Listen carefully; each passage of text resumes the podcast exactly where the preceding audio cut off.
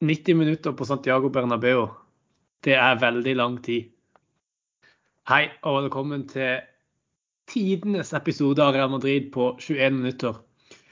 Hvor Real Madrid har slått ut eh, PSG av Champions League etter en av de mest vanvittige fotballkampene jeg noen gang har sett.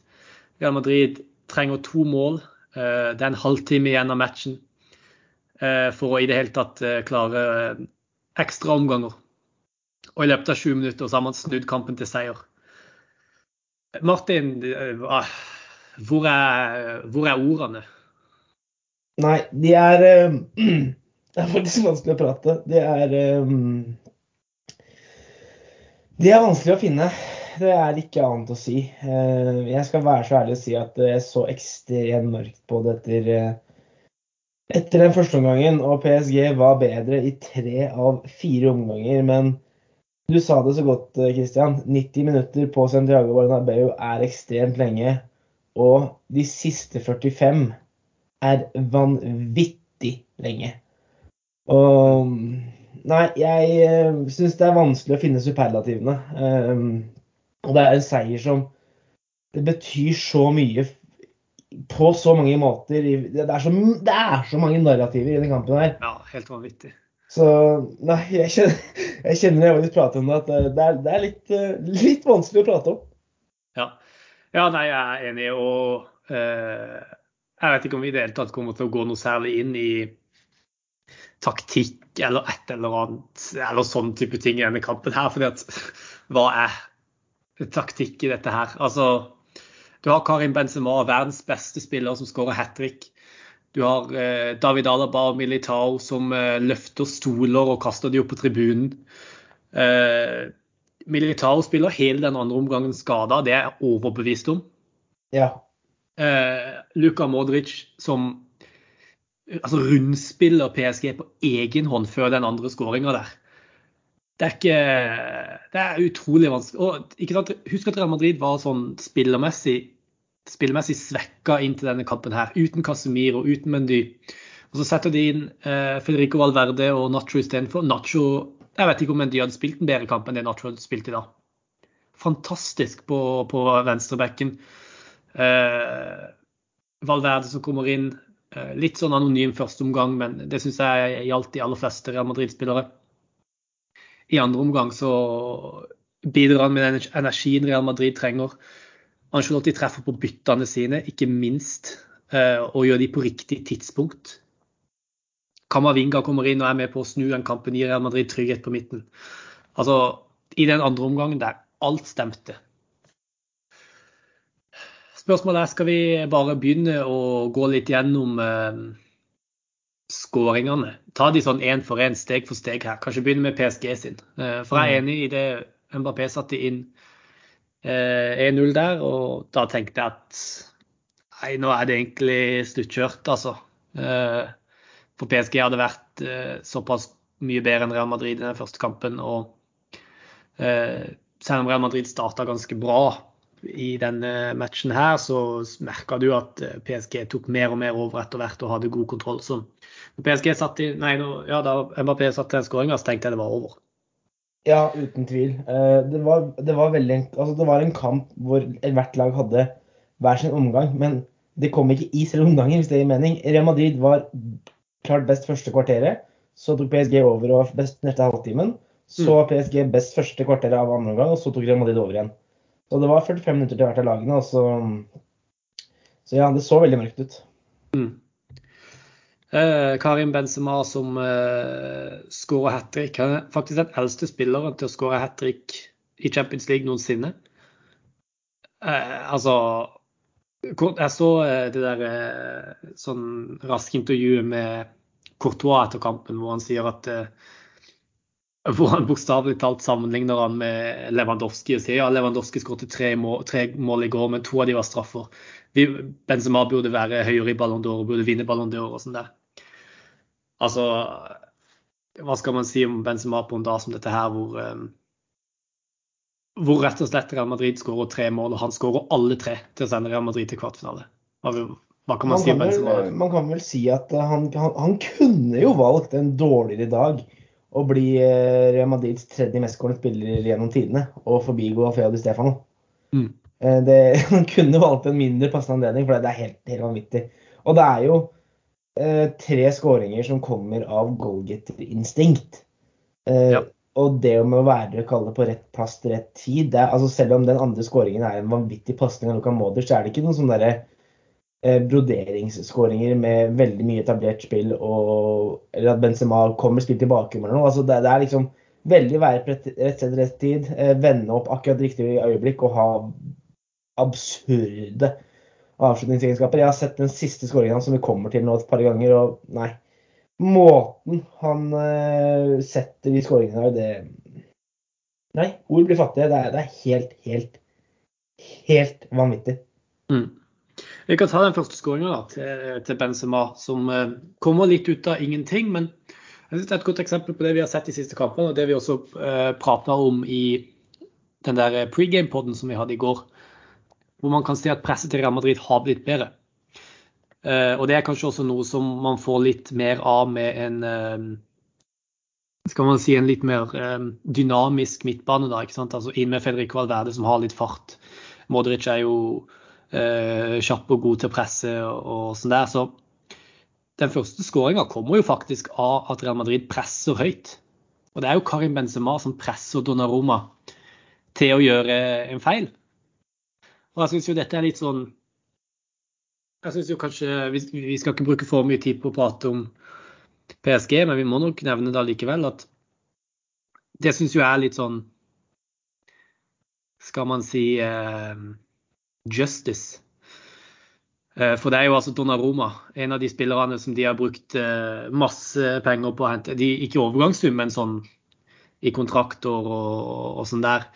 Som liksom skulle være med å ta dette PSG-laget til det neste nivået. ikke sant? Han ble presentert sammen med Sergio Ramos, med Hakimi og sammen med Messi. ikke sant? Og så er det han som gjør feilen når det gjelder som mest. Um, Venicius iskald i den situasjonen. Uh, finner Benzema, og så, som Pochettino sa i etterkant av denne matchen her nå nettopp, det, det var da kampen snudde. Skal vi i det hele tatt diskutere om det var frispark? Jeg ser at noen mener at det var frispark. Syns Jeg, jeg kan ta det veldig fort. Jeg hadde som Real Madrid-supporter vært frustrert på at det ikke ble en frispark. Men det er en sånn situasjon som måtte dommeren vurderer der og da, og det er ikke noe varmat.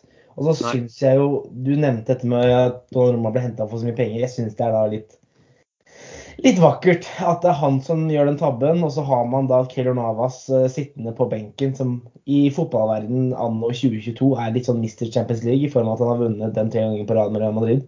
Men Mm. blir liksom benka til fordel for stjernekjøpet som kom i sommer. Eh, og da syns jeg det er ekstra gøy at det er han som, eh, han som gjør den, den grove, grove feilen. Ja. Og da syns jeg jo det er et sånn symbol på at alle de milliardene som PSG har, det hjelper ikke. Eh, Man begynner jo å tenke hvor mye penger trenger de eh, for å kunne få suksess i denne turneringa. Det var mitt PSG-stikk for dagen. Men etter den første skåringa der, så Jeg syns egentlig at PSG er ganske gode i det øyeblikket etter den skåringa, de tar liksom litt tilbake kontroll over kampen igjen. Eh, og altså, det må sies de har noen vanvittig gode spillere på den midtbanen der. I Marco Verratti og Paredes. Eh, vanvittig gode til å holde på ballen. Og de tok liksom litt over initiativet i matchen igjen, da. Men Real Madrid har noe PSG ikke har, og det er Luka Modric. Eh, Ballon d'Or-vinner. Og altså, den andre skåringa Jeg har ikke ord for Luka Modric på den skåringa. Det, det, er ikke bare, det er ikke bare scoring, det er ikke bare den siste pasninga til Benzema. Det er ikke den målgivende pasninga. Først så er han nede og sklitakler Messi.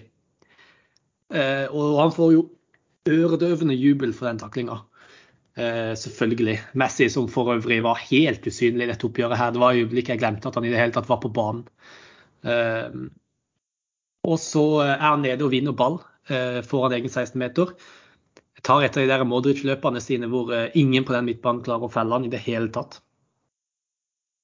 Eh, finner Venicius.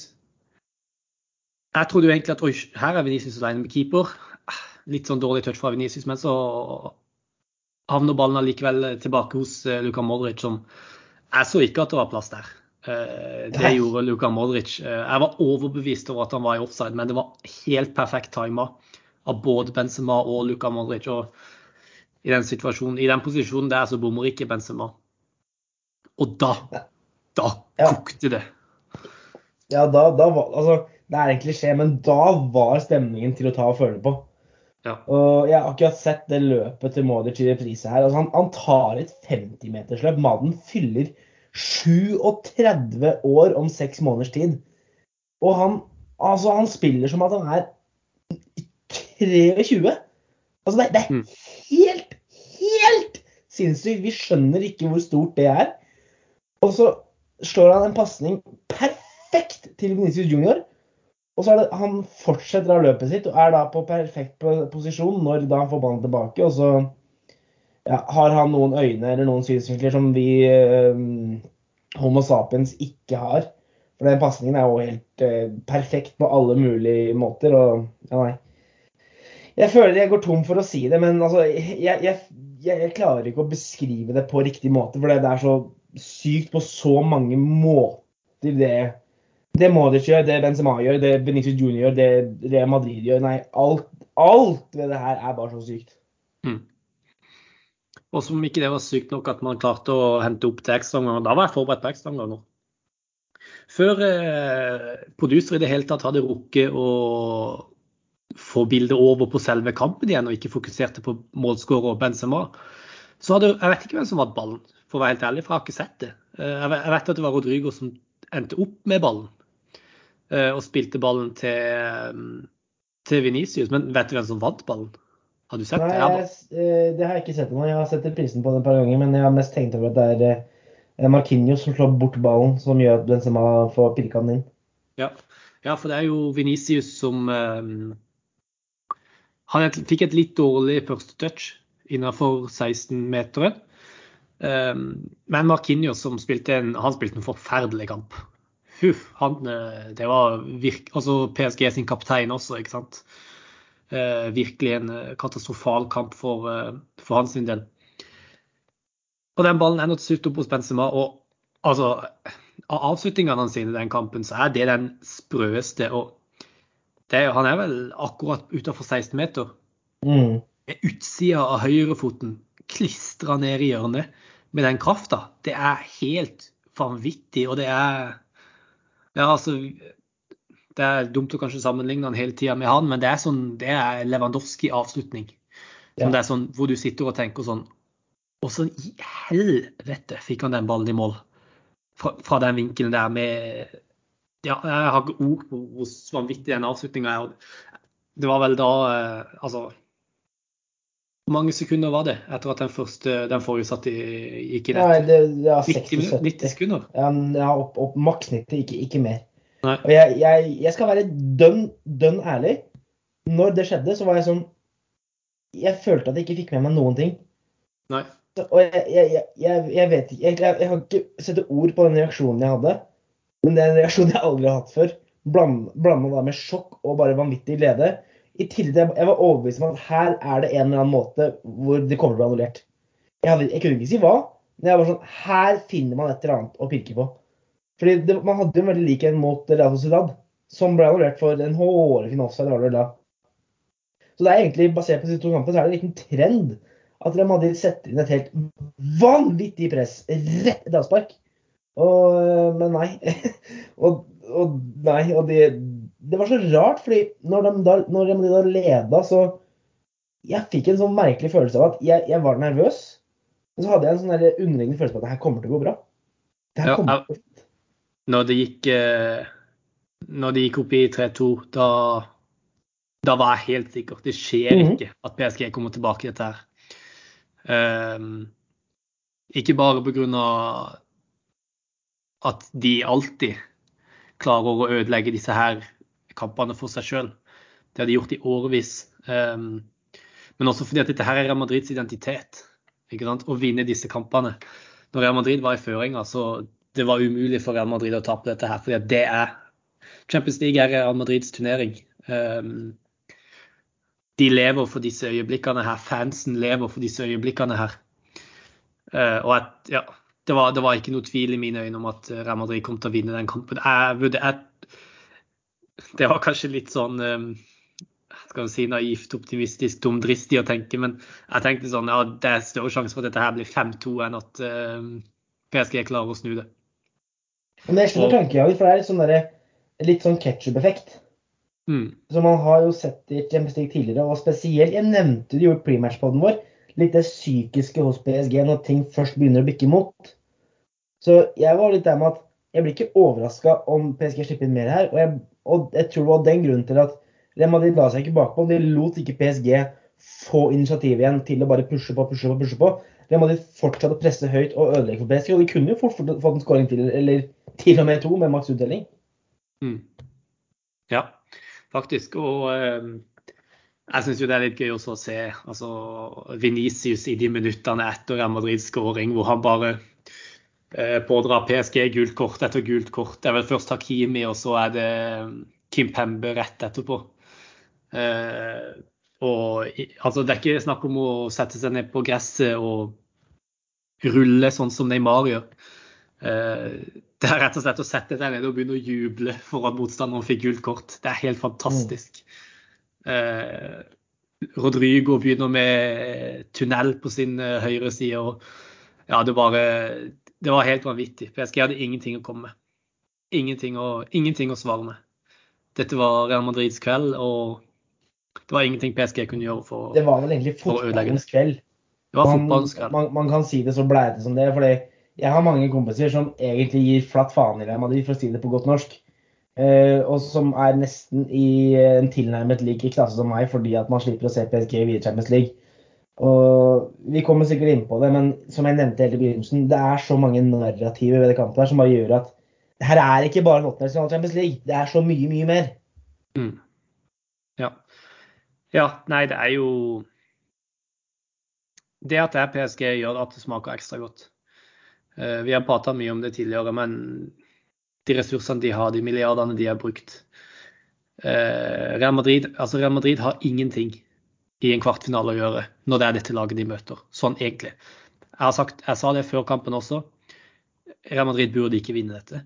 Real Madrid har ingenting å tape i et oppgjør som dette. Den eneste grunnen til at, man, at Real Madrid kanskje ble sett på som en favoritt før denne matchen, det er fordi at Real Madrid er Real Madrid. Og at man har den tradisjonen for disse kampene, og at PSG ikke har det. Eh, men hvis du ser spiller for spiller, og egentlig hele laget som, som kollektiv, så har Real Madrid ingenting å gjøre i en kvartfinale når det er PSG som står i åttendedelsfinalen. Og allikevel så går det det kommer til å være folk som driver med taktiske analyser og sånn der om, om eh, hvorfor det skjedde og hva som gikk galt med PSG og hva Real Madrid gjorde riktig den andre omgangen. Men jeg mener at dette her handler om, om DNA-et. Real Madrid har det å vinne Champions League-kamper, viktige Champions League-kamper på Santiago Bernabeu, det er Real Madrids DNA. Mm. Og det tror jeg det har, Sånn har det vært for Real Madrid i ja, 70 år siden 50-tallet, 50-60-tallet med Di Stefano og Rento og hele den gjengen her. Det, og du ser det, det er ikke bare hos, um, hos de uh, eldre spillerne. Det er ikke bare hos Luka Modric, hos, hos Benzema eller um, hvem det skulle være. Det er, det er også hos Kamavinga ikke sant? som kommer inn. og Han ser ut som at han har gjort dette her hele livet sitt. Så altså, ja, vi, vi kommer sikkert til å prate masse mer om Kamavinga i i månedene fremover. Fordi han har virkelig, både den kampen mot Real Sociedad og den kampen mot PSG i kveld, vist at han har tatt enorme steg allerede denne sesongen. Ja, så når Du nevner om spillere som holdt på å si, igjen den der, det genet med å steppe opp i Champions League. Altså, en spiller som Lucas Vasques, som mm. blir bytta inn fordi Carvahal er litt sluttkjørt, rett og slett, med god grunn. Og han gjør det helt fantastisk. Mm. Han har sett ikke en fot feil. Nei. Og det er liksom sånn, det, det, bare, det skjer liksom bare på sånne Champions League-kvelder. Og det er, det er, eh, nei, det er, det er, eh, spesielt og helt, helt, helt unikt. Mm. Ja. Nei, jeg har ikke eh, Jeg går litt tom for ord eh, om dette her. Eh, jeg vet ikke, Er det noe mer, er det noe spesielt du tenker vi burde vi burde prate om eh, hva Altså? Ja, det er jo alltid det. Ehm, det er helt forskjellige ting eh, som jeg syns er fascinerende her. Altså, Kylian Mbappé skårer jo hat trick i kveld. Men det er jo bare én som blir stående. Mm. Og han skårer jo tross alt tre mål på sin Diago Bernabeu og opplever på mange måter å være eneste bidragsyter for sitt lag, i tillegg til at da egentlig ryke ut på det jeg vil påstå er en ydmykende måte. Ja. Så jeg er veldig spent nå på hvor lang tid det går før vi eventuelt får noen nyheter fra den kanten. Og jeg kan liksom ikke helt se for meg at det her skal eh, hjelpe PSG sin sak, for å si det sånn. Og så må jeg bare trekke fram at jeg, jeg syns jeg, jeg er ikke verre på det. Jeg syns det er ekstremt gøy nå å lese eh, utallige reaksjoner på Twitter om at eh, Al-Khilaifi og eh, Leonardo, altså henholdsvis eh, president og sportslig leder i PSG, har eh, nærmest gått til angrep på dommerne, sånn at dommerne har, blitt, eh, har etterspurt politibeskyttelse. Og det er jo litt interessant, for at dommeren er politimann sjøl. Yes. Det er litt antiklimaks. Ja. Og eh, det var det godeste Arancho Rodriguez som kom på Twitter og skrev at Real Madrid visstnok driver og filmer en eller annen intern dokumentar. Sikkert noe Amazon-greier eller noe. Og idet man drev og filma den i garderoben, så har man fått på tape at El Khelaifi kommer skrikende etter dommeren. Og det er jo sikkert et klipp han ikke er veldig gira på at skal se offentligheten. Nei. Nei, jeg, jeg har også sett mye Jeg har faktisk sett et sånn stikk fra Real Madrid også. Den der, eh, Mm. For PSG har jo den der Ishi Est Paris eller noe sånt. Jeg er ikke så god i fransk, men det er vel noe sånt. Dette er Paris. Mm. Og Real Madrids offisielle konto la ut Ishi gjest Madrid. Den engelske mm, jeg holdt på å si SoMe-ansvarlig til Real Madrid, det er en ganske ny en. Han eh, eller henne har eh, eh, Vet ikke hva jeg skal kalle det for noe, om det er overtenning eller om han er full eller hva det er for noe, men det er i hvert fall bra med content. Ja, det, er- og det kommer til å være mye mer eh, i løpet av de kommende, kommende dagene. Nei, dette var vanvittig gøy, eh, rett og slett. Det, Så må, vi må ikke glemme heller at det her er noe Real Madrid gjør uten Casemiro, Ja. uten Ferland Mendy. Mm. Altså, vi snakker om det. Det er to av lagets aller, aller, aller beste defensive spillere. En halvskada Tony Cross. En halvskada Tony Kroos, ikke minst. Altså, det er ikke et toppa Real Madrid-lag i så forstand. Eh, og så er det da en ekstrem kvalitetstegn at man da kan sette inn Nacho, man kan sette inn Federico Valverde. Eh, man kan etter hvert da bytte inn Kamavinga. Og de virkelig tar nivået og bare glir rett inn. Det er eh, et ekstremt, ekstremt bra tegn. Mm. Definitivt. Nei, det blir gøy. Eh, Det blir jo det trekning neste fredag, vel, hvor vi får vite Real Madrids kvartfinalemotstand. Og hvis du ser på de lagene som allerede er videre, så kan det bli ganske tøff motstand for Real Madrid i kvartfinalen også. De som da er videre sammen med Real Madrid så langt, er jo Bayern München, Liverpool og Manchester City, som kanskje er de tre største favorittene til å vinne hele sulamitten. Mm. Uh, og så er det vel eh, det er jo Atletico Madrid og United. Det er jo et spennende oppgjør. via Villarreal uh, Juventus kan jo by på en, en god kandidat. Ajax er vel på vei videre, er det ikke det?